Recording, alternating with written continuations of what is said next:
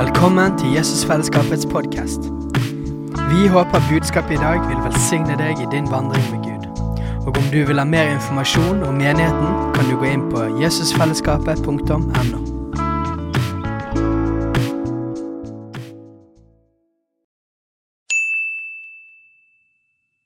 Hei!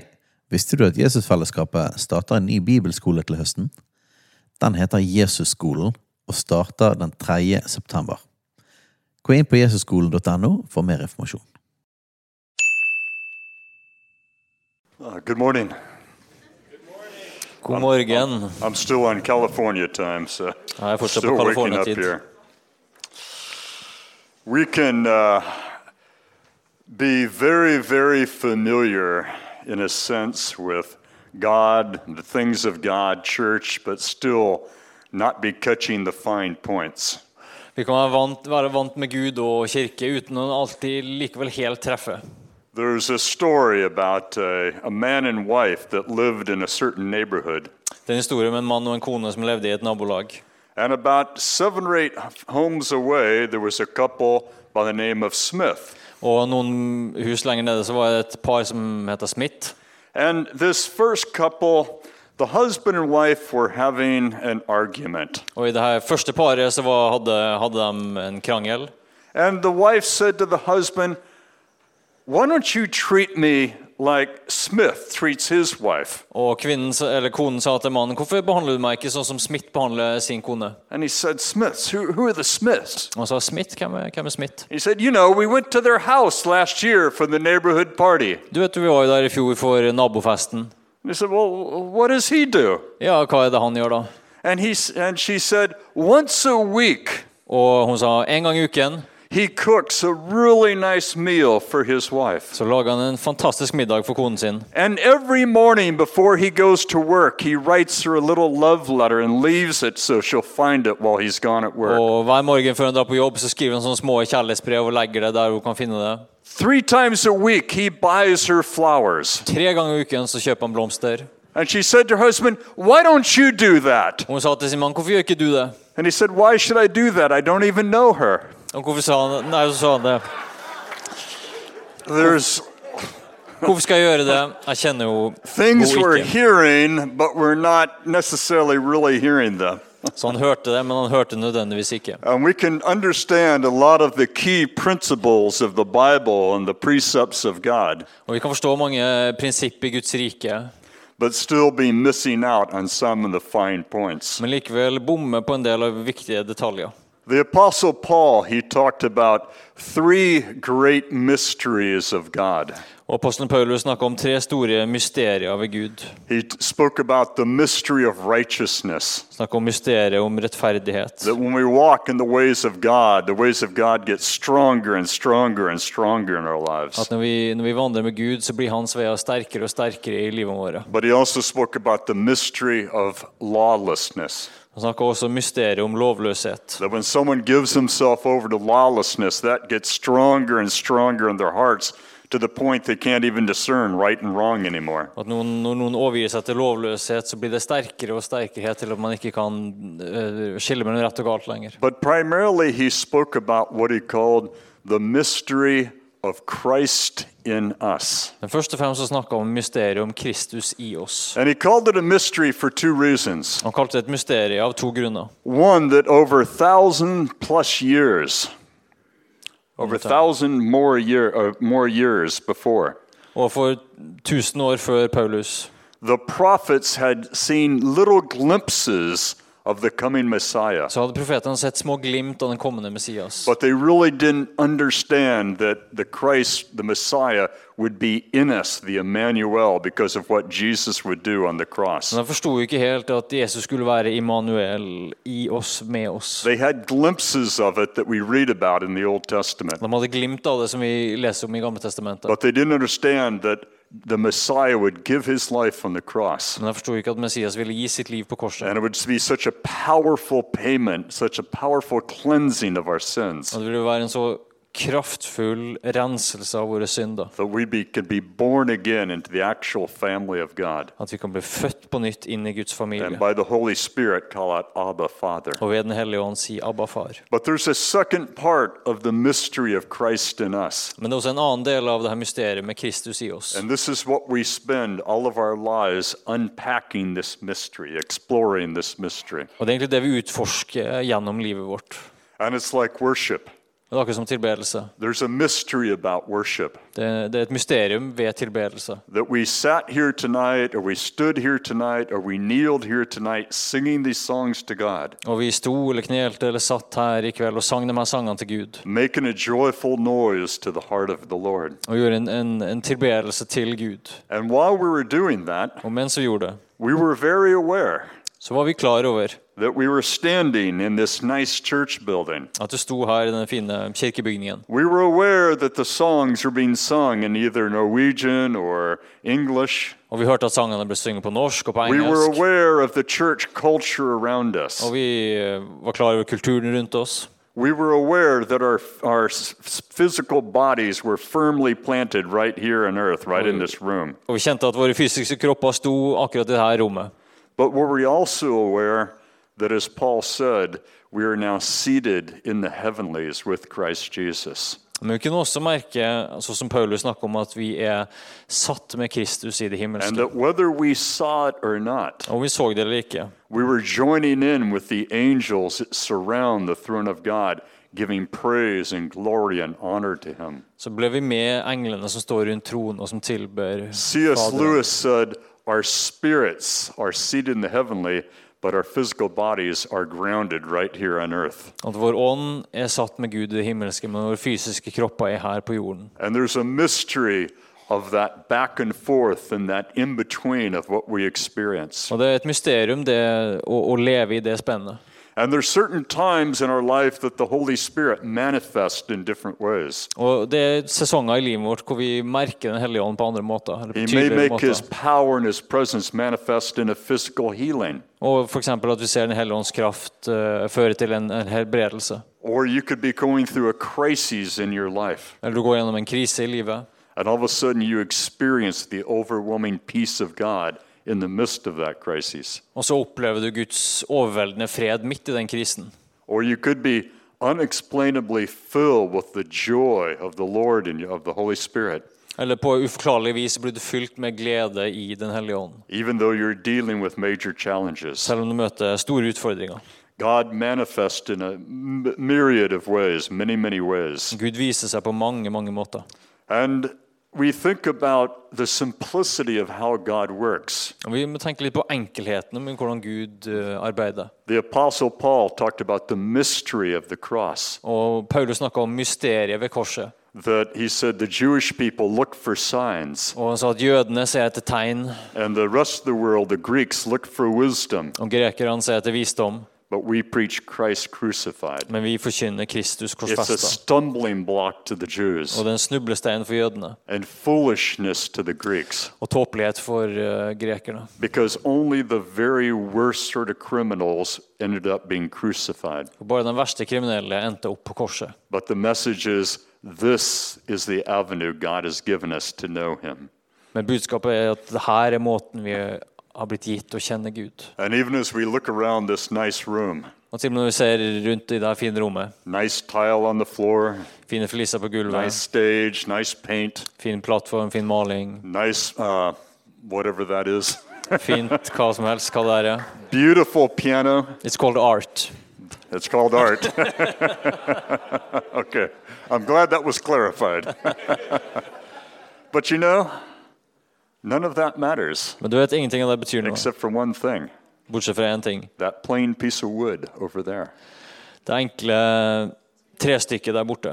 It's so simple. Det er så enkelt. It's not very beautiful to look at, Det er ikke veldig vakkert å se på, but that is the beauty of God's love for us. men det er skjønnheten i Guds kjærlighet til oss. And God works in ways that are contrary to the mind of man.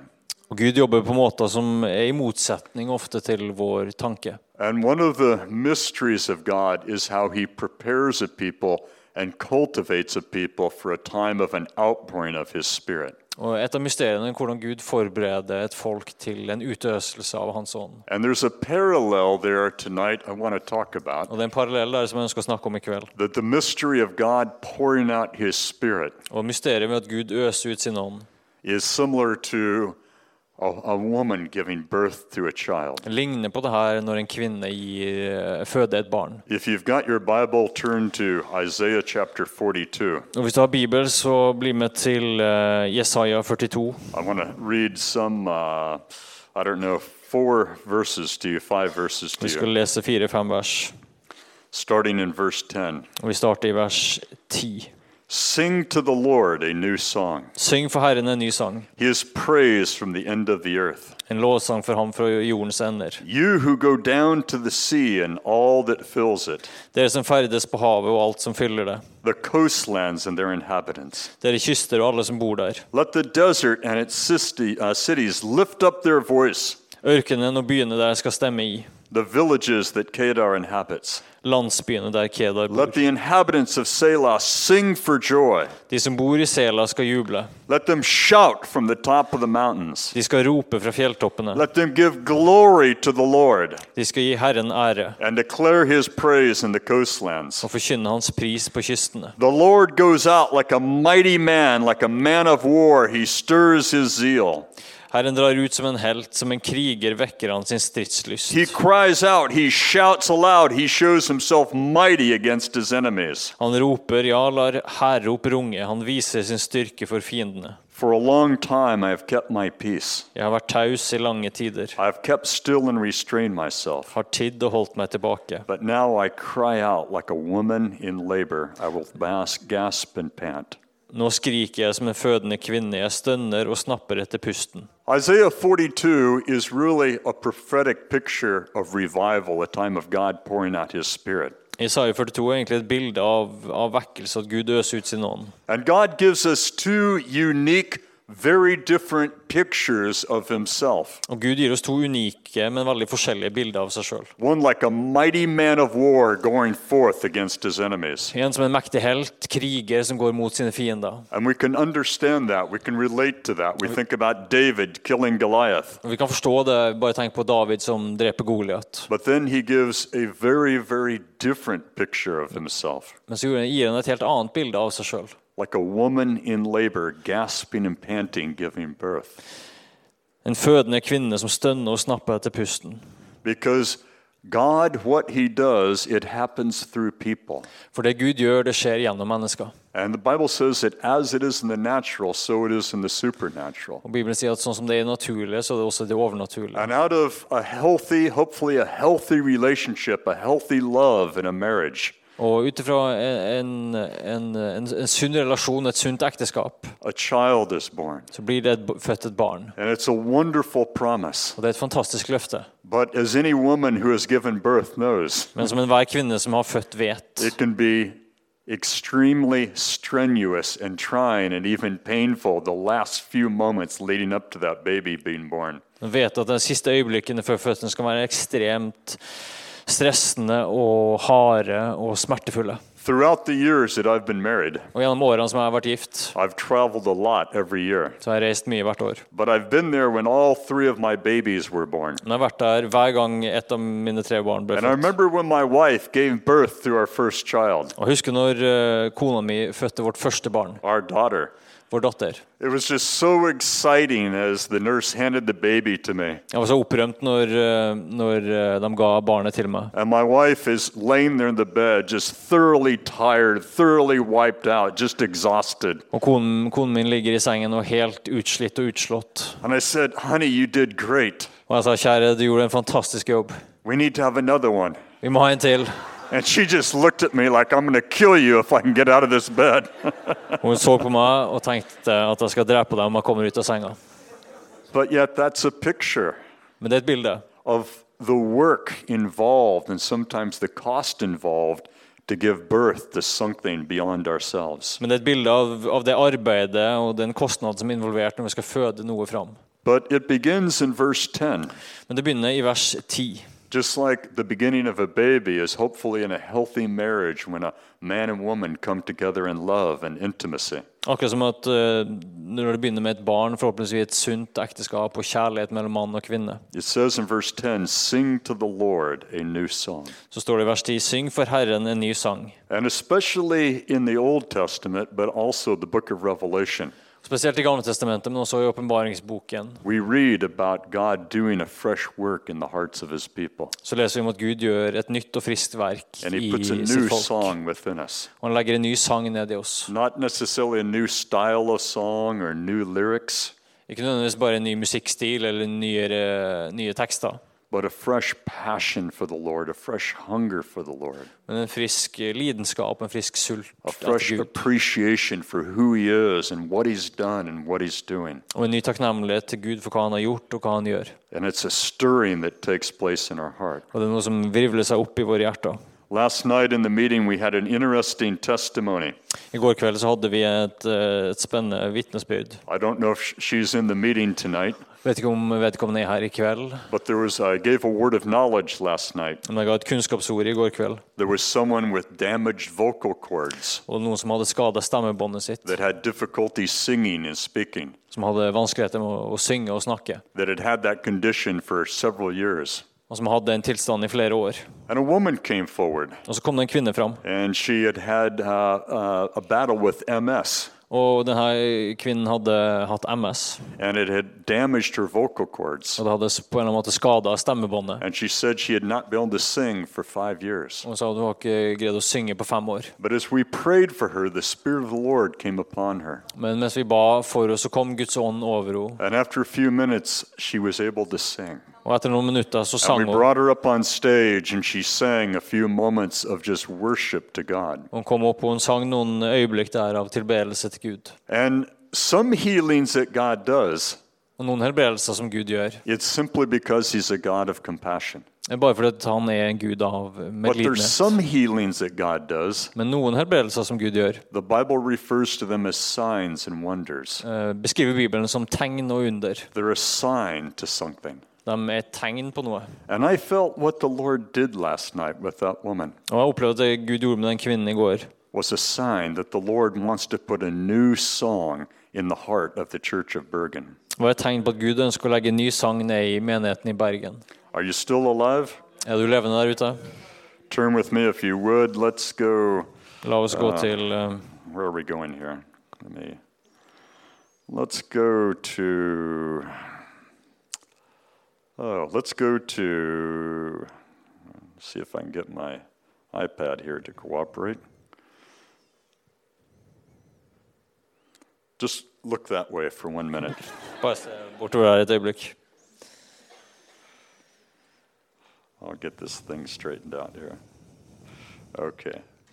Go to uh, 1 Kings chapter 18. Går til første kongebok, kapittel 18. 1 Kings chapter 18. Første kongebok, kapittel 18. I could have just said, Somewhere it is written. Han kunne ha sagt at det står et eller annet sted, Even Jesus did that on one occasion. selv om Jesus, selv Jesus gjorde det på, ved en anledning. Now, most of you know the story about Elijah the prophet, and he prophesied over Israel that it wouldn't rain for three and a half years. Og Mange av dere kjenner historien om hvordan eh, Elia profeterte at det kom- skulle ikke regne på en stund. King Ahab and Queen Jezebel Eh, Kong Ahab og dronning Isabel had seduced the heart of Israel away from worshiping the Lord God Jehovah. hadde leda Israel vekk fra å tilbe eh, Jehova. And they were now worshiping the false gods, the god of Baal especially. Og de tilba falske guder og Baal spesielt. And Lord raised up Elijah, Og Gud reiste opp Elisha and he said, "Judgment is coming against you, og sa dom kommer imot deg. and it will not rain in Israel for three and a half years." Det skal ikke regne i Israel på tre og et halvt år. I know what some of you are thinking. Og vet hva noen av dere tenker? We could go three and a half years without rain in Norway. Vi kan gjerne gå tre og et halvt år uten regn i That'd be Norge. wonderful. Det var fantastisk. But uh, in a desert, arid community like Israel or California, where I live, Men som et ørkenlignende klima som i Israel eller California, der jeg bor. to go three and a half years without any rain, it just destroys everything. Å gå tre og et halvt år uten regn, det ødelegger alt. The crops were dying, Avlingene dør. the livestock was dying. hu- Buskapen dør. It had brought Israel to a standstill. Og hele samfunnet stopper opp. And then Elijah called for a confrontation with King Ahab. Men så kalte eh, Elisha til en konfrontasjon med kong Ahab. And he said, Gather all the false prophets and priests of Baal. Han sa, sa samle alle profetene til Baal. And they had a, all of Israel gathered together at Mount Carmel. Og de møttes på, ved fjellet Karmel. And the false priests and prophets offered up a sacrifice to their false gods. Og de her falske profetene og prestene eh, lagde et offer til sin gud, And nothing happened. og ingenting skjedde. But then Elijah, he made a sacrifice. Men så gjorde Elisha et, eh, et offer. And even though there was a shortage of water, he poured a lot of water on top of his sacrifice. Men selv om det mangla vann, så øste han vann over sitt offer. And then he called upon the name of the Lord God Jehovah. Og så ropte han på eh, Herren Gud Jehova. And the fire of God came down, the glory of God came down and consumed his offering. Og Guds ild kom ned og fortærte offeret. And Israel repented that day. Og Israel omvendte seg den dagen. They said, Jehovah, he is our God. He is our God. Og han sa Jehova er vår Gud. It was a moment of divine restoration for Israel, Og det var et eh, øyeblikk av guddommelig gjenopprettelse. but there av was Israel. still the problem of a drought. Men det var- De hadde fortsatt problemer med tørke. So Elijah said to King Ahab, Så Elias sa til kong Ahab, and he said, Go up and eat and drink, gå opp og spis og drikk. for there is the sound of the rushing rain coming. This is verse 41 Why of do 1 we- Kings 18. Og her er vi i første kongebok kapittel 18, og så er vi i vers 41. He wasn't s- hearing anything in the natural, Eh, Elia hørte ikke noe i det naturlige. he was hearing it in the spirit. Han hørte det i det åndelige. He was hearing not only the outpouring of God's Spirit, but he was hearing the blessings of God coming. Og han hørte at Guds velsignelse kommer. And so Elijah and his servant went to the top of the mountain. Så Elia og tjeneren dro opp til toppen av fjellet. And it says he began to pray. Og det står at han begynte å be. It says in verse 42 Og det står i- i vers 42. Ahab went to eat and to drink, and Elijah went to the top of Mount Carmel. Da gikk Ahab opp for å spise og drikke, og Elia gikk opp på toppen av And he Karmel. bowed himself down on the earth and put his face between his knees. Og han bøyde seg mot jorden med ansiktet mellom knærne. He assumed a position like this. Han gikk inn i en posisjon som det her. And it's interesting that before our first uh, child was born, Og det er interessant at før vårt første barn ble født, my wife and I took in classes on healthy childbirthing. så tok eh, meg og min kone noen sånne timer på hvordan eh, gi, eh, ha en sunn fødsel. And the teacher showed us that position Og læreren viste oss akkurat den and said posisjonen. that is the most natural position for the female body to give birth. Og det det er den mest naturlige posisjonen for en kvinnekropp å føde. There is no natural position for the male body to give birth. Det er ingen naturlig posisjon for eh, mannekroppen. And even today, in many uh, cultures, like jungle cultures and remote areas, that's still how the women give birth today. Og i mange eh, mer primitive kulturer så er det sånn kvinnene gir eh, føde i dag. They kneel down and they put their heads between their knees like this. De kneler ned og legger hodet mellom knærne.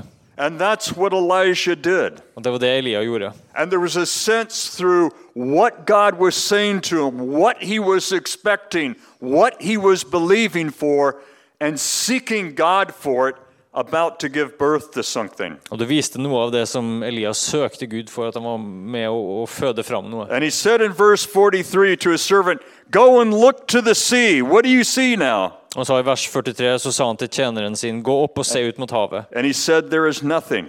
Og han sa det er ingenting å se. But he prayed seven times. Men han ba sju ganger. He pressed in and pressed in and pressed in Han fortsatte å presse på. because he was convinced of what he was hearing in the Spirit. For han var overbevist om det han hørte i det åndelige. And all of you women who have given birth to a child, Og Alle dere kvinner som har eh, født, when the time comes, når tiden kommer, you know that you know that you know that you know. så vet du at du vet at du It vet at du doesn't matter vet. what anybody says. Det har ikke noe å si hva noen You know forteller. you're carrying that baby, Og du vet at det barnet skal and you ut. know the time of birthing is at hand. Og du vet at fødselen har kommet. And he prayed so ardently those seven times. Og han ba så påtrengende sju ganger. And at the seventh time, his servant said, Behold, a little cloud like a man's hand is rising from the sea. Og den sjuende gangen sa gutten, jeg ser en liten sky, ikke større enn en menneskehånd, stige opp av havet.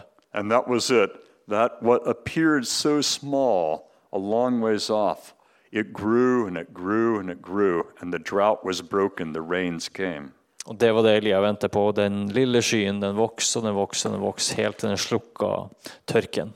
My wife and I and our uh, kids, we lived in Toronto, Canada for six years. Konen min og meg og våre barn vi bodde i Toronto, Canada i seks år. And then we moved to a city in the Midwest called Fort Wayne, Indiana. Og så flytta vi til en by i Midtvesten som heter Fort Indiana. Fort Wayne, Indiana. Fort Wing, Indiana. And my job description, Og eh, arbeidet mitt, I was still traveling internationally, og jeg reiste internasjonalt. but they brought me there to work with three churches Men de tok meg dit for å skulle arbeide med tre kirker. that were having a growing unity movement involving prayer and worship. Som hadde en sånn enhetsbevegelse gående med, s- med s- felles bønn og tilbedelse. And these three churches were getting together every few months and having worship nights. Og de her tre menighetene kom sammen eh, av og til og hadde sånne tilbedelseskvelder. And we started joint prayer meetings with the churches. Og vi begynte sånne felles bønnemøter. And I would do a conference twice a year bringing all the churches together. Og to ganger i året så hadde jeg en konferanse der vi samla alle de, de her tre kirkene. And before we moved there, Og flø, før vi flytta dit, I flew in to do a three day conference, four day conference with all these three churches. så fløy jeg dit for å gjøre en konferanse med de her menighetene. One was an Assembly of God church, Og én var en pinsemenighet, one was a Vineyard church, én var and what en Vinjard-menighet, was a, a Baptist church. og én var en baptistkirke. It was the odd trio. Det var den her litt merkelige trioen. they were worlds apart culturally, Og Kulturelt var de milevis fra hverandre. but they were all sensing God has something for our city. Men alle følte at Gud hadde noe for byen vår. So I arrived on a Friday. Så jeg kom på en fredag, The conference started uh, Sunday morning, og konferansen startet søndag morgen. Sunday night, Monday night, and Tuesday night. Og søndag kveld, og så mandag og tirsdag. So I'm praying Saturday night, Lord, what do you want me to speak about the first meeting Sunday morning with all the churches together? Så lørdag kveld så ba jeg Gud, hva vil du jeg skal snakke om her neste morgen? And the Lord said these words to me Og Gud sa de her ordene til meg. Tell the churches Fortell menighetene they are pregnant with revival. at de er gravide med vekkelse. They are pregnant with revival, De er gravide med vekkelse. but the baby is not going to come the way they think the baby's going to come.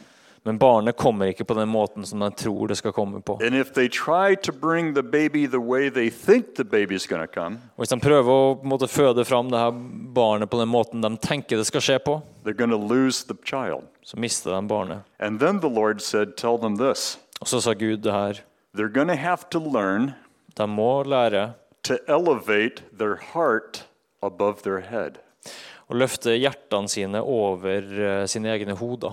So I preached that Sunday morning. Så jeg forkynte det denne søndagsmorgenen. Sunday night, the Lord said, Preach the same thing. Og søndag kveld så opplevde jeg Gud sa forkynn det samme. so I changed the stories, but preach the same message. Så jeg endra noen av historiene, men forkynte det You samme are budskapet. pregnant with revival, Du er gravid med vekkelse. but don't try to bring the baby the normal way or you'll lose it. Men ikke prøv, prøv å føde fram eh, barnet på normal måte, for da mister du det.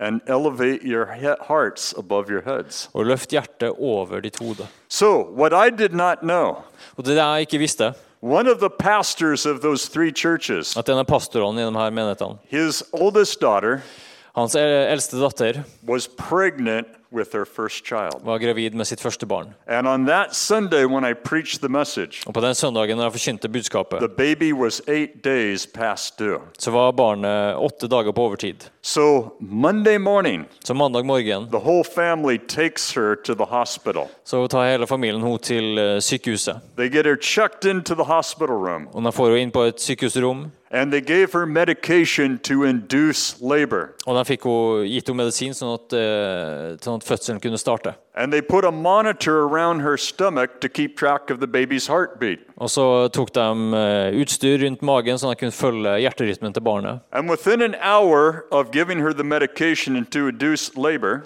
Og innen en time at hun hadde fått de her eh, fødselsforberedende medisinene, the baby's heartbeat stopped. så stoppa barnets They went into an hjerteslag. emergency situation. Og Han kom inn i en sånn eh, akutt situasjon, The nurses and doctors went running in, og legene kom løpende inn. and the head doctor said to her, Do this Og overlegen sa 'gjør det her'. on your bed. På senga di I want you to get on your knees. vil du skal gå på dine knær, I want you to put your head flat on the bed. og du skal legge ansiktet flatt ned på senga. He said, I want you to elevate your heart above your head. Og du skal løfte hjertet ditt over hodet ditt. And when she did that, Og når hun gjorde det, the baby's heartbeat came back. så kom barnets hjerteslag tilbake. And the doctor continued to assess it. Og eh, legen fortsatte å følge med And he said, We're not going to bring the baby the normal way. og sa vi, vi kommer ikke til å ta det barnet her ut på I think normal there may måte. be a problem with the umbilical cord. Det kan være et problem med navlestrengen. And so they did a C section. Så han gjorde et keisersnitt. And they found that the umbilical cord was wrapped three times around the neck of the baby. Og de fant ut at navlestrengen var surret tre ganger rundt eh, nakken til barnet. Eller If halsen they til had barnet. tried to bring the baby the normal way, they would have killed the baby. Og hadde de prøvd å føde barnet fra den normale måten, så hadde de eh, drept barnet. And this was a prophetic picture of the very a fulfillment of the very prophetic word the Lord had given me for the churches. Og Det var et profetisk bilde av det her budskapet jeg hadde gitt menighetene. By human nature, Og ved vår ven- menneskelige natur we are all creatures of habit. så er vi eh, vanemennesker, vanedyr. We develop certain patterns that we like because they've worked in the past, Vi utvikler visse mønster som vi liker fordi at de har fungert i fortiden. because we think this will continue to bring success. Og vi tenker at det her det fortsetter å gi meg suksess. But in the realm of marketing and sales, Men hvis du ser på markedsføring og salg, they realize that's suicide. så har de skjønt at det er jo selvmord. That any product, no matter how successful it is today, At ethvert produkt, uansett hvor eh, suksessrikt det er, if they don't change things up in the future, the sales will drop. hvis de ikke endrer på ting i framtiden, så vil salget stupe. And unfortunately, sometimes we don't stay current with the flow of God's Spirit. Og uheldigvis så er vi ikke alltid helt sånn i takt med Guds ånd. I'm saying that for the church down the road, Og det sier jeg selvfølgelig for menigheten som er lenger ned i gaten. where God calls us to keep the eyes of our heart focused on Him. Og der Gud kaller eh, oss til å bruke våre hjertes øyne til å fokusere på Han. The Holy Spirit is never a program, Den hellige ånd er aldri et program. He's never an institution. Han er aldri en institusjon. He uses structure, Han bruker struktur, but He's not the God of structure. men han er ikke guden av struktur. He's the God of relationship. Han er gud av relasjon. And so many times he changes how he does things Så mange ganger så forandrer han hvordan han gjør ting, because he wants us to stay tuned in to the Holy Spirit. for han vil at vi skal være i takt med Den hellige ånd. It's like Jesus healing blind eyes. Det er akkurat som når Jesus helbreda blinde øyne. Sometimes he just rebuked the blindness. Noen ganger så bare befalte han blindheten å gå. One time he spit and put the spit in the person's eye. En gang så spytta han og tok spytt på, på den blindes øyne. Another time he got some dirt in his hand, spit in it, made a little mud pie, put the mud in the eye, and said, Go wash your eyes. Og noen ganger lagde han en sånn eh, leirklump av spytt og tok det på øynene. But God works in mysterious ways. Men Gud arbeider på, på underlig vis. And I, I love to read about past revivals. Og jeg elsker å lese om gamle vekkelser. But there's a trap in thinking we can make God do this if we do what they did before. Men det er en felle å tenke at hvis vi bare gjør det som de gjorde, så får vi Gud til å gjøre det samme igjen. In the 1800s, På 1800-tallet, 18th, the 18th century, på det 1700-tallet, 1700s, there was a theologian and a, s- uh, a hymn writer in Scotland. så var det en teolog og salmeskriver i Skottland. His name was William Cowper. Han heter William Calper, And William Cowper said this og han sa det her. God moves in mysterious ways. Gud arbeider på underlig vis, But he is his own interpreter. men han er sin egen fortolker. He will make it plain Han vil gjøre det tydelig that the things God has in store for at us, det Gud har for oss. if we are faithful to press into him Og hvis vi er trofast på å bevege oss mot det, and not lean to understanding, og ikke alltid må kunne forstå ting, he will make it clear. så vil han gjøre det klart. That's why it says in Proverbs Det er derfor det står i ordspråkene it's the glory of God to conceal a matter, at det er Guds, eh, det, det er Guds eh, ære og, But it's og the- forsegle en ting. But it's the glory of kings to search out that. Men det er kongers ære å, å finne ut av det. In Christ Jesus, I Jesus Kristus we are a nation of kings and priests. så er vi konger og prester. And so there's a weight upon us to seek the king himself, Derfor ligger det over oss det å søke kongen, and not just settle for the status quo. og ikke bare slå oss til ro med status quo. Are you still alive? Er du våken der ute? Let's go, and uh, I'm so glad you're excited about mysteries. Jeg er så glad for at du er glad i mysterier. Let's go to Genesis 18. La oss gå til første Mosebok 18. For decades, I ti år Abraham and Sarah had lived with the promise så hadde Abraham og Sara levd med løftet that they would have their own children, at de skulle ha sine egne barn, and their descendants would fill nations, og at arvingene deres skulle bli til nasjoner be more numerous than the stars in the heavens. og bli flere enn stjerner på himmelen. But now Abraham is almost 100, Men nå er Abraham over 100 år, Sarah's in her 90s. Sara er i 90-årene, It appears to be a physical impossibility og det ser ut som det er en fysisk begrensning for them to have children. for dem til å få barn. But all of a sudden, it says in Genesis 18, verse 1, the Lord appeared to them. Men så står det i eh, første Mosebok 18 vers 1 at Gud viste seg for dem. I'm not going to read all of this, Jeg skal ikke lese alt det her, but one day when Abraham was at rest, he saw the Lord pass by, and he got up and ran after the Lord. men en dag Abraham hvilte seg, så så han at Gud eller Herren gikk forbi, så eh, reiste han seg og løp etter. And he said, Please come back to our camp. Han sa kom tilbake til vår leir, We want to make a meal for you, vi vil gjøre et måltid for deg. we want to minister to you. Vi vil tjene deg. And he sacrificed an expensive sacrifice to have a barbecue for the Lord. Og eh, ofra eh, et dyr for å lage grillfest for Herren. he had Sarah bake some fresh bread for the Lord. Og Sara bakte noe ferskt brød til Herren, He washed the feet of the Lord. og han vaska føttene til Herren. When we take time out for special meetings like this and special situations Og når vi tar noen sånne timeouter for spesielle situasjoner, to press in on the Lord, for å gå imot Herren og møte Herren, that even as Abraham and Sarah entertained the presence of the Lord, that's what we do with our worship and songs and prayers. og akkurat som Abraham og Sara her tjente Gud, så er det det vi gjør nå med vår tilbedelse og våre sanger. Abraham detained the presence of the Lord. Og Abraham eh, holdt på en måte på Guds nærvær. And when we take time to seek out the Lord, Og når vi søker Gud, like to, meetings like tonight, og på sånne møter som i kveld, not just because we want a blessing, ikke bare fordi vi vil ha en velsignelse, but because of who He is, men for den han er, we are ministering to the presence of the Lord. så tjener vi Gud og hans nærvær. And then the Lord got ready to leave. Og så ble Herren klar for å bevege seg videre. And the Lord, in the form of three men, said to Abraham in verse 9, Where is Sarah your wife? Og Gud, som er representert som tre personer, sa her i And I Abraham vers said, 9. She's in the tent. Hun sa hvor er Sara? Hun sa hun er i teltet. It was a large Bedouin style tent with different chambers or rooms in it. Det her var jo different areas. sånn beduinstil med flere rom inne i teltet osv. Og And after decades etter ti år of this unfulfilled promise of children, at jeg, av det her uoppfylte løftet om barn, at a time when it seems impossible, på en tid da det så umulig ut, the Lord said, I will surely return to you about this time next year.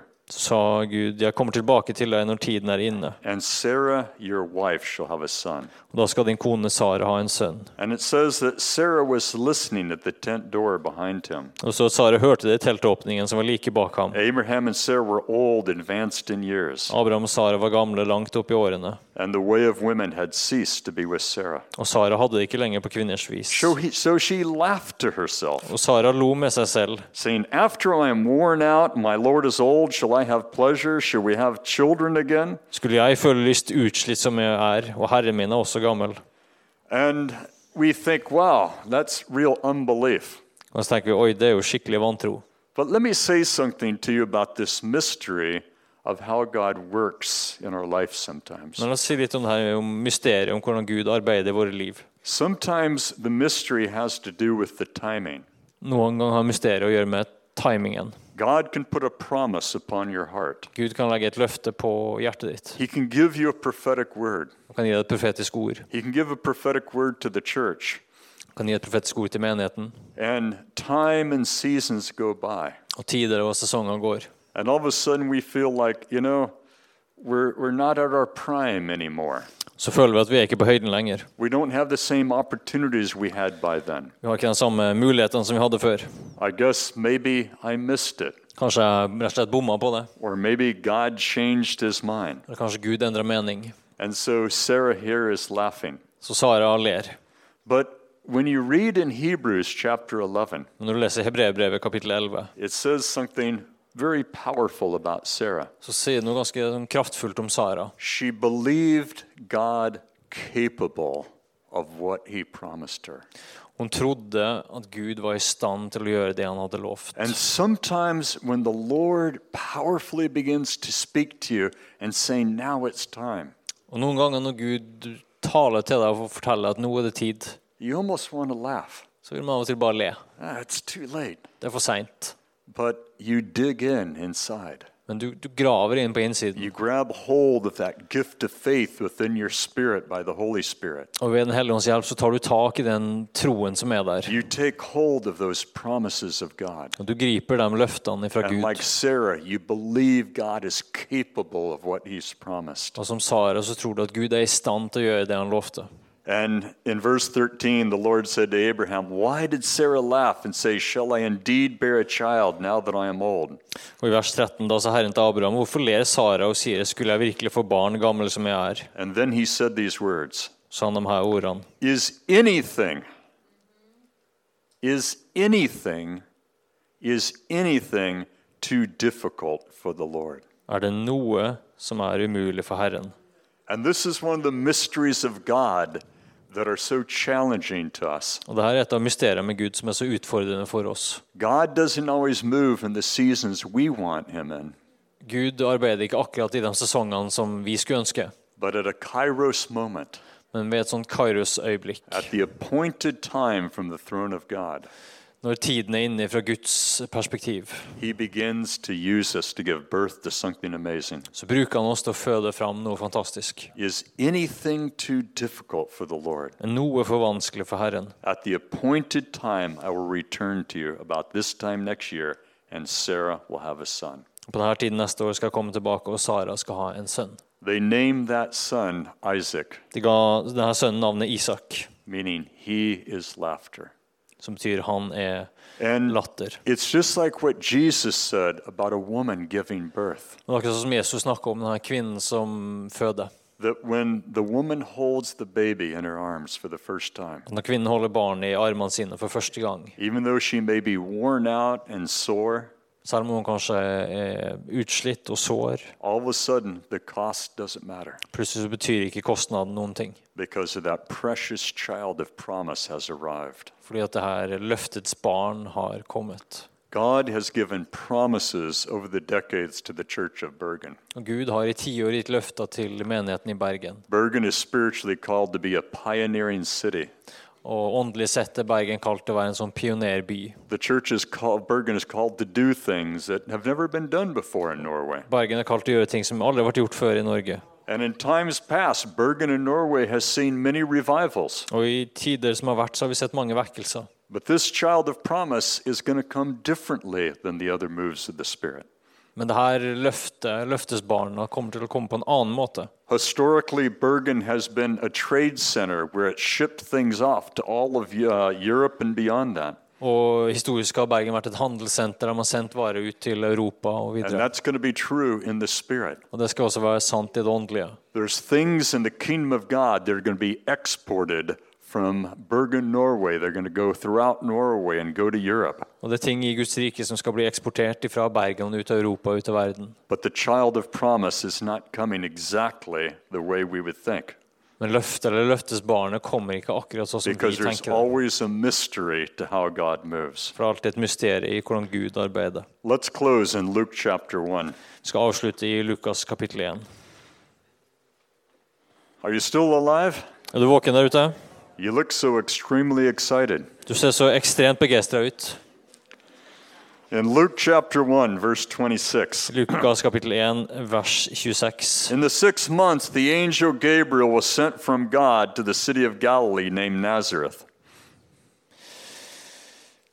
Eh, Men da Elisabeth var i sjette måned, ble engelen Gabriel sendt fra Gud til en by i Galilea som het Nasaret. to a virgin betrothed to a man whose name was Joseph to the house of David, and the virgin's name was Mary. Til en jomfru som var lovet bort til Josef, en mann av Davids ett. Jomfruens navn var Maria. And he came to her and said, Greetings, O favored one, the Lord is with you. Engelen kom inn til henne og sa, Vær hilset, du som har fått nåde. Herren er med deg. The Lord did not say, You will be favored. He said, Right now, you're a favored one. Han sa ikke du vil få nåde, men han sa du som har fått nåde. And I can tell you, in 40 years now of going to churches all over the world, Og jeg kan fortelle deg, I 40 år nå så har jeg reist i menighet over hele verden. from Africa, Asia, Australia, New Zealand, North America, Europe, Afrika, USA, New Zealand, Australia, du, United Kingdom, eh, Storbritannia. wild places like Copenhagen and Sweden. Ville plasser som København eller Sverige. You've always had a favor of the Lord upon you as the Church of Bergen. here. Dere har alltid hatt en, en nåde fra Gud over dere som menigheten i I've seen Bergen. it for the last two and a half decades when I've been with you in times of worship, Jeg har sett det i de her to-tre tiårene vi har bak oss. times of ministry, I tider når vi har betjening og tilbedelse. the unity among the pastors here. Enheten blant pastorer. I'm, uh, I was so very, very sad to hear that my friend Radar Polson had gone home to the Lord. Og ble veldig lei meg når jeg hørte at min venn Reidar Paulsen hadde gått hjem til Herren. I was glad for him. Jeg var g- selvfølgelig glad på hans vegne. But Radar Polson was a giant when it came to faith. Men Reidar Paulsen var en kjempe når det kom til tro. He was a type of David. Han var en sånn type David. He was very bold in his faith and his leadership. Han var modig i sin tro og i sitt lederskap. But it says something interesting about David in the Psalms. Det står noe interessant om David i salmene. David actually said of himself, David sa det om seg sjøl. The Lord has strengthened me and made me mighty, Gud har styrka meg og gjort meg mektig, but he has also shown me his gentleness. men har også vist meg sin vennlighet. And there was this rare combination in the leadership of Radar Polson Og Det var denne litt unike kombinasjonen i lederskapet til Reidar Paulsen. of authority but gentleness. Av autoritet, men vennlighet. That he did not lead by heavy handedness, by manipulation, by control.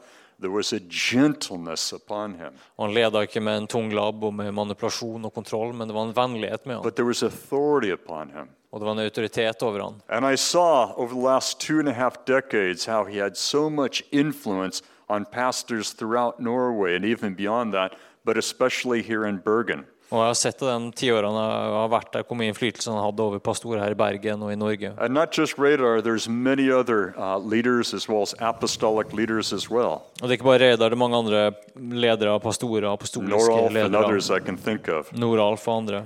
But the unity you have had here for decades among churches and leadership, times of worship, times of prayer, the presence of the Lord, Men de her, i de her tiårene som har gått, hvor det har vært enhet og tider i tilbedelse og betjening sammen. I can tell you there's pastors in cities all over the world that would love to have what you have here in Bergen. Man kan Norway. fortelle at det er pastorer over hele verden som ville elske å ha hatt det som dere har her i There's Bergen. many cities around the globe they have no unity in the body of Christ whatsoever. Og det er mange menigheter rundt om i verden hvor man ikke har noe som helst enhet mellom menighetene. They're reigned by a spirit of competition. Og der er det en, en sånn ånd av konkurranse. And the presence of the Lord that I've seen in meeting after meeting over the decades here in Bergen, you, the favor of the Lord is upon you. Og opplevd det hver gang jeg har vært der i de tiårene jeg har vært der. Et sånn Guds nærvær og Guds nåde over forsamlingene. And I sense tonight the Lord would even say to you these words Og oppleve at Gud vil si de her ordene i kveld. Greetings, O favored one, Church of Bergen, the Lord is with you.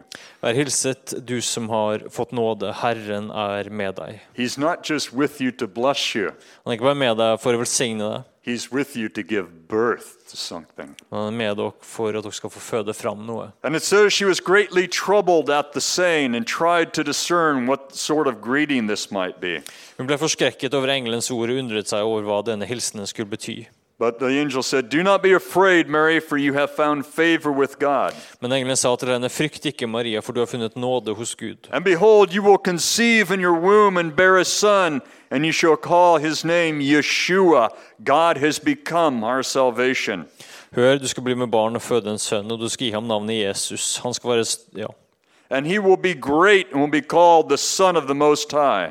han skal være stor og kalles den høyeste sønn. And the Lord God will give him the throne of his father David, and he will reign over the house of Jacob forever, and his kingdom there will be no end. Og Herren Gud skal gi ham hans fars Davids trone, og han skal være konge over Jakobs hus til evig tid. And Mary asked a very good question. Og så stilte Maria et veldig godt spørsmål. When God speaks to your heart, Når Gud taler til hjertet ditt, it's okay to ask questions. så er det greit å stille spørsmål. Just make sure you ask the right question. Bare vær sikker på at du stiller det rette spørsmålet. Zechariah asked the wrong question. Zakarias stilte det feile spørsmålet. When Gabriel said, You and your wife Elizabeth in your old age are going to give son a birth to uh, a prophet, John. Og når engelen sa at du og din kone skal gi, f- få et barn, og det er profeten Johannes, He asked the wrong question. så stilte han et feil spørsmål. He said, How do I know for sure this is going to happen? Hvordan kan han være helt sikker på at det her skal skje? Gabriel looked at him Og Gabriel så på han and said, I am Gabriel, og sa, «Jeg, Gabriel, who stands in the presence of the living God. som står i nærværet til den levende Gud. Don't mess around with me. Ikke, ikke tull med meg. Because you have heard it but not believed it, you're going to see it, but you're not going to be able to talk about it. Og fordi du har hørt det, men ikke trodd det, så skal du se det, men ikke være i stand til å snakke om det. The outpouring of the Holy Spirit that hit my church in Toronto in 1994, Og denne utøvelsen av Hellige Ånd som kom over menigheten min i Toronto i 1994, we had, uh, I gave a prophetic word about it a year and a half before, og jeg ga et profetisk ord om det eh, halvannet år før, that the Spirit of God was going to come like Niagara Falls over our church and over Toronto. at Den hellige ånd skulle komme, akkurat sånn som Niagarafallene over menigheten. And it was going to go from Toronto to the nations. Og det skulle gå fra Toronto til nasjonene. And our little church in Toronto, Og vår lille menighet i Toronto, only 200 people at that time when the revival hit, bare 200 mennesker cirka når vekkelsen kom. over the next six years, Over de neste seks årene We had between four and five million people visit our church. så hadde vi omtrent mellom fire og fem millioner mennesker som besøkte menigheten vår. Radar Polson was one of them. Rede Paulsen var en av dem.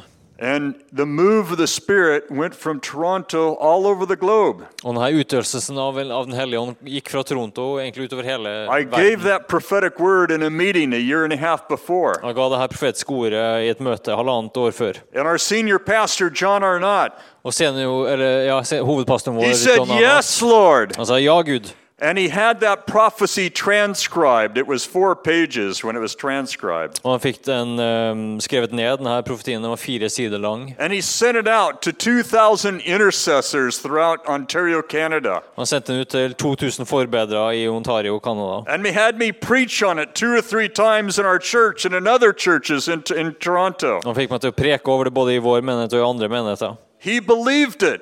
Han trodde det. But you know what's interesting? Men vet du hva som er interessant? I have talked to many pastors around the world Men jeg snakka med mange pastorer rundt om i verden. that around that same time, Og akkurat rundt den samme tiden they had meetings with the very strong presence of the Lord. så hadde de møter med et veldig sterkt nærvær av Gud. But they thought, oh, yeah, it was a good meeting. Og de tenkte ja, jo, det var et bra møte. You see, they were seeing what was happening, but they had no comprehension that God was do, wanting to do something far more than just a good meeting. De, de, de så hva som skjedde, men de forsto ikke at Gud ville gjøre noe langt mer enn et godt møte. The Lord said to Zechariah, the prophet to precede the Messiah is going to be born to your wife Elizabeth. Og Gud sa til Zakaria at eh, ditt barn skal være forløperen til selveste Messias. eh, I don't know. Nei, jeg vet ikke helt. We're pretty old. Vi er gamle. I don't want to mess around with diapers. Jeg orker ikke å skifte bleier lenger. How do I know for sure this is going to take place? Hvordan kan jeg være helt sikker på at dette skal skje? He ended up looking quite stupid. He wasn't able to say anything while everything was going on. Og han endte opp med å se ganske dum ut etter hvert når han ikke kunne snakke eh, noe som helst om det som skjedde. But Mary, Men Maria she asked a good question. hun stilte et godt spørsmål. She simply said, How is this going to happen? I'm a virgin. I'm, I've never been married.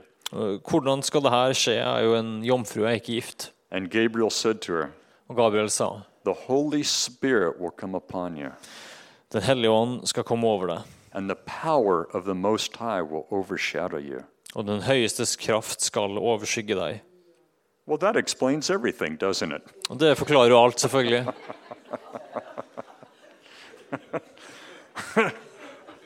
Sometimes when God speaks to you, it's okay to ask questions. Og Noen ganger når Gud eh, taler til deg, så er det greit å stille spørsmål. Other times, it's just best not to look stupid. Og Andre ganger så er det best å ikke si noe for å ikke se dum ut. Just say, yeah, okay, yeah, I understand Bare si that. ja, ok, greit. Good, let's, I'm ready. Jeg er klar. The Holy Spirit will come upon you, and the power of the Most High will overshadow you. Den hellige ånd skal komme over deg, og den høyestes kraft skal overskygge deg. Therefore, the child to be born will be called Holy, the Son of God. Derfor skal barnet som blir født, kalles hellig og kalles Guds sønn. And behold, your relative Elizabeth in her old age has also conceived a son, and this is the sixth month with her who is called barren. Og hør, din slektning Elisabeth venter en sønn, hun også, på sine gamle dager. Do you remember what the Lord said to Sarah? Husker du hva Gud sa til Sara? Nothing is too difficult for the Lord. Ingenting er for vanskelig for Gud. 2,000 years later, 2000 år senere the angel of the- uh, Gabriel said the exact same thing to Mary. så sa engelen Gabriel akkurat det samme til Maria. Nothing will be impossible with God. For ingenting er umulig for Gud. Nothing will be impossible with God. Ingenting er umulig for Gud. I teach and preach a lot on healing. Jeg underviser og og preker mye om helbredelse. I've written a book on healing. Hallelujah. Skrevet en bok om helbredelse. We're going to have some for sale tonight. Og du kan få kjøpe en i kveld. but there's a mystery about healing and faith. Men det er et mysterium, det her med, med helbredelse knytta til tro. Why is it sometimes very godly people that we pray for and pray for and pray for, they don't get healed? Hvorfor er det sånn at vi kjenner veldig gudfryktige mennesker som vi ber for og ber for, og ber for, men som ikke blir helbreda? Then there's some people who have never been to church before. Så det er noen som aldri har vært i kirken før. They don't even know God. De kjenner eh, til og med ikke Gud. They come into a meeting and they get healed of a serious disease. De kommer inn om et møte, og så blir de helbreda fra en alvorlig sykdom. I've seen it happen many times. Jeg har sett at det skjer mange ganger. People invited to a church meeting who don't know God, they get healed and they give their life to Christ. De blir invitert med på et møte, og så blir de helbreda, og så gir de livet sitt til Jesus. And then some people who are very righteous men and women that love God with the whole heart, we pray for and we pray for and we pray for, and we don't see God move. Mens andre som er rettferdige mennesker, og som har levd med Gud, og vi ber for og ber for og ber for dem, og så blir de ikke helbreda. And part of it gets back to the mystery of God. Og en del av det går tilbake til det vi snakker om I mysteriet, don't Guds like mysterium. using cliches, Og det her er kanskje klisjé, but it really is true that to go home to the Lord is the ultimate healing. men det er sant at det å komme hjem til Herren er den ultimate helbredelse. And again, we can think of our friend Radar Polson, Og igjen kan vi tenke på vår venn Reidar Paulsen. such a wonderful guy. En fantastisk mann. Why didn't the Lord heal him? Hvorfor helbreda Gud But if ikke you han? think about right now, Men Hvis du tenker akkurat nå, he is gazing upon the absolute glory of Jesus. så ser han på Guds herlighet, på Jesu herlighet. Radar loved his wife dearly. Reidar elska sin kone høyt. He loved his family. Han elska sin He familie, loved the church. elska menigheten. But I tell you what, Men jeg skal fortelle deg, if he had a choice of staying in heaven or coming back, he would not want to come back. Hvis han kunne velge å bli i himmelen eller komme tilbake, så ville han ikke komme tilbake. He's in a place that's absolutely incredible. Han er på et fantastisk sted. And so we don't always understand the mysteries of God. Vi forstår ikke alle- alltid Guds mysterier. But all of a sudden, like with childbirth, all of a sudden the baby comes forward. Men plutselig, akkurat som ved fødsler, så kommer barnet. So, Norway, Så Norge. Stavanger, Norway. Stavanger i Norge. Some, I don't know, eight years ago, I was there doing meetings, Cirka åtte år siden så var jeg der og holdt noen møter. and the Lord healed a man who had three different types of terminal cancer. Så helbreda Gud en mann som hadde tre forskjellige He typer av had alvorlig stage kreft. four cancer of the bone, stage four cancer of the blood, stage four cancer of the liver. Han hadde alvorlig kreft både i, i bein og lever og et sted til. I uh, was doing a conference there, Og hadde en konferanse der. and I said the last night we're going to be praying for the sick. Og på den siste kvelden så sa jeg vi skulle be for syke. Friends brought this man, Og vennene tok med denne mannen. and they helped walk him up to the front. He was so weak he could no longer walk. Og han var så svak han ikke kunne gå, så vennene hjalp han fram. I didn't know the different types of cancer, Og jeg visste ikke til de forskjellige typene kreft som han but they hadde. just said, He has cancer. Men han sa bare han har kreft. And so when I prayed for him, I said, Lord, would you burn away all the cancer in his body, Når vi ba for han, så sa vi bare Gud, må du brenne vekk alle kreften i hans kropp. even cleanse his bones? Og til og med rense beina hans. So it was, I don't know, eight or nine years ago. Og det er kanskje åtte-ni år siden. Five years go by. Så går det fem år, I'm back in Stavanger doing a conference again. og så er jeg tilbake i Stavanger og har en konferanse. Three nights of meetings. Og det er tre kvelder med møter. The second night, the pastors said, Og den andre kvelden så sa pastoren Before you speak tonight, we're going to have a man give a testimony of a healing that happened when you were here five years ago. at før du preker i kveld, så skal det en mann skal komme og ha et vitnesbyrd om, fra forrige gang når du var her. I said, Oh, what did he get healed of? Og hva ble han helbreda av, spurte jeg. They said he got healed of three types of cancer. Han ble helbreda fra tre typer av kreft. I looked at him and said, And you're just now telling me this? Og jeg så på han og sa og det her forteller du nå? We are strange people. Vi er merkelige folk. I was doing meetings a few years ago in Manchester, England. Jeg var i Manchester, England og holdt noen møter for noen år siden. They said there's a woman who's going to give a testimony before you speak. Og Da sa han også det er en kvinne som skal ha et vitnesbyrd før du preker. So this woman comes up to the stage. Og kvinnen kom opp på plattformen She's got a beautiful 17 year old daughter with her. og har med seg en, en skjønn 17 år gammel datter. And she says, 17 years ago, Og hun sa for 17 år siden the baby was dying in my stomach, my womb. så var barnet mitt døende i, i magen min. The doctor said there's no hope. Og legene sa det er ikke noe håp. And I heard that a prophet was ministering nearby. Og jeg hørte at det var en profet som hadde noen møter i So I nærheten. went to the meeting, Så jeg kom til møtet. and you said, People with stomach problems, stand up. Og du sa at eh, folk med mageproblem reiste dere. I was so weak, so tired. Jeg var så svak, så trøtt. I didn't want to stand up. Jeg orka ikke å reise meg. But then I stood up, Men jeg sto opp likevel. and I felt the power of God come upon Og me. jeg følte at Guds kraft kom over meg. I sat back down. Og jeg satte meg ned A igjen. few minutes later, there was somebody on stage giving testimony. Og bare noen minutter etterpå så kom det noen og holdt et She said, I want vitnesbyrd. to see this. Og jeg vil se det her. So she stood up on her chair. Så hun reiste seg opp på stolen sin. She was a short woman. Hun var en litt lav kvinne. And she said, Wait a minute. Og sa vent litt. I just stood up on my chair. Jeg, bare, jeg står jo på stolen min. The baby was completely healed. Og barnet ble She fullstendig gave helbreda. birth a month later to a beautiful l- girl. Og hun eh, fødte en måned And now eh, that barn en girl måned is standing senere. here 17 years. Og nå står det barnet og er 17 år gammelt. Now, I tried to be polite, Og jeg prøvde å være eh, høflig, but I felt like saying, What's wrong with you? men jeg følte for å si hva feiler det deg? Why didn't you email us at our website? Let us know. Hvorfor sendte du ikke minst en e-post så vi kunne vite noe om det her? Oh, you probably see these things all the time. Ja, du ser nå kanskje det her eh, så ofte. I could have slapped her.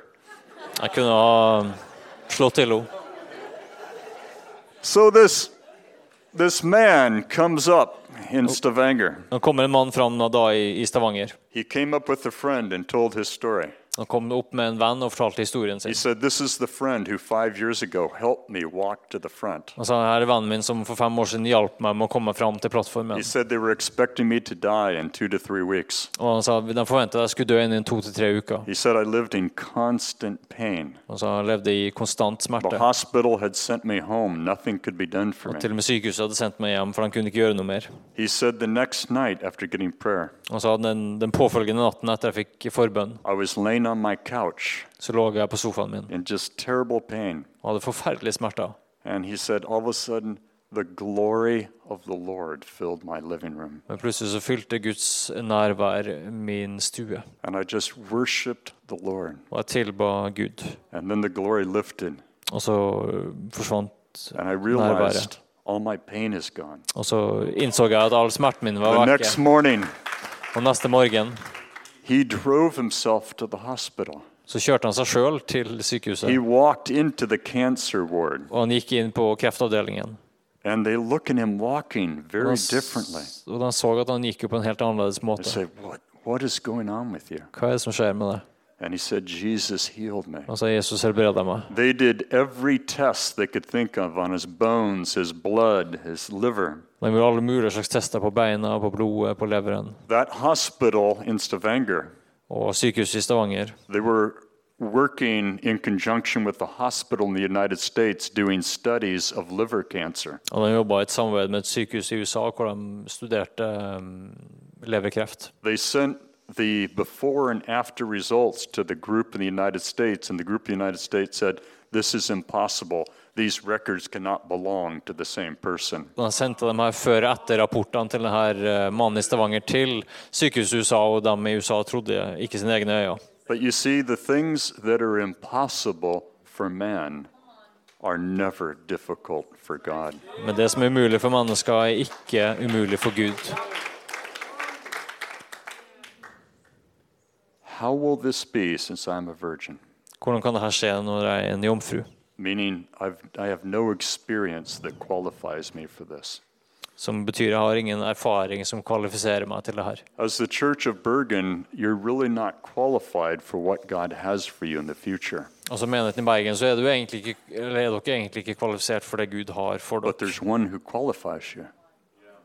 One more time. One last sentence. Hmm? But there is one who can ja, qualify you. men det er én som kan kvalifisere deg. And the angel answered her, The Holy Spirit will come upon you.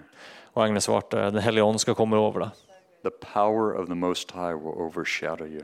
Og kraften fra den høye skal overskygge deg. That's what happened to that man in Stavanger, Norway. Men Det som skjedde med denne mannen i Stavanger He was overshadowed by the wings of the Almighty. Han ble overskygget av vingene til den allmektige. And as Gabriel said, Og som Gabriel sa, and as the Lord said to Sarah, og som Herren sa til Sara, nothing will be impossible for you. For ingenting God. er umulig for Gud. What's impossible for man is never difficult for God. Det som er mulig for mennesker, er aldri vanskelig for Gud. And I believe as the Church of Bergen that you're pregnant with the child of revival. Og jeg tror som menighet i Bergen at dere er gravide med vekkelse.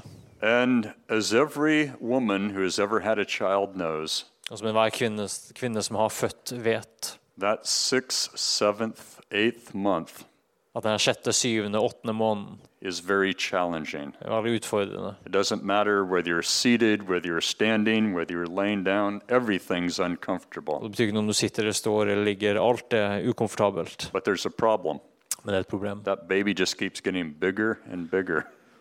Det barnet bare blir større og The større. discomfort grows and grows, Og ubehageligheten vokser og vokser. but all of a sudden, the birth time comes. Men plutselig så kommer fødselen. And when a church or even an individual Christian is pregnant with something of God, Og når en menighet eller en, en kristen er, er gravid med noe fra Gud, you're no longer comfortable.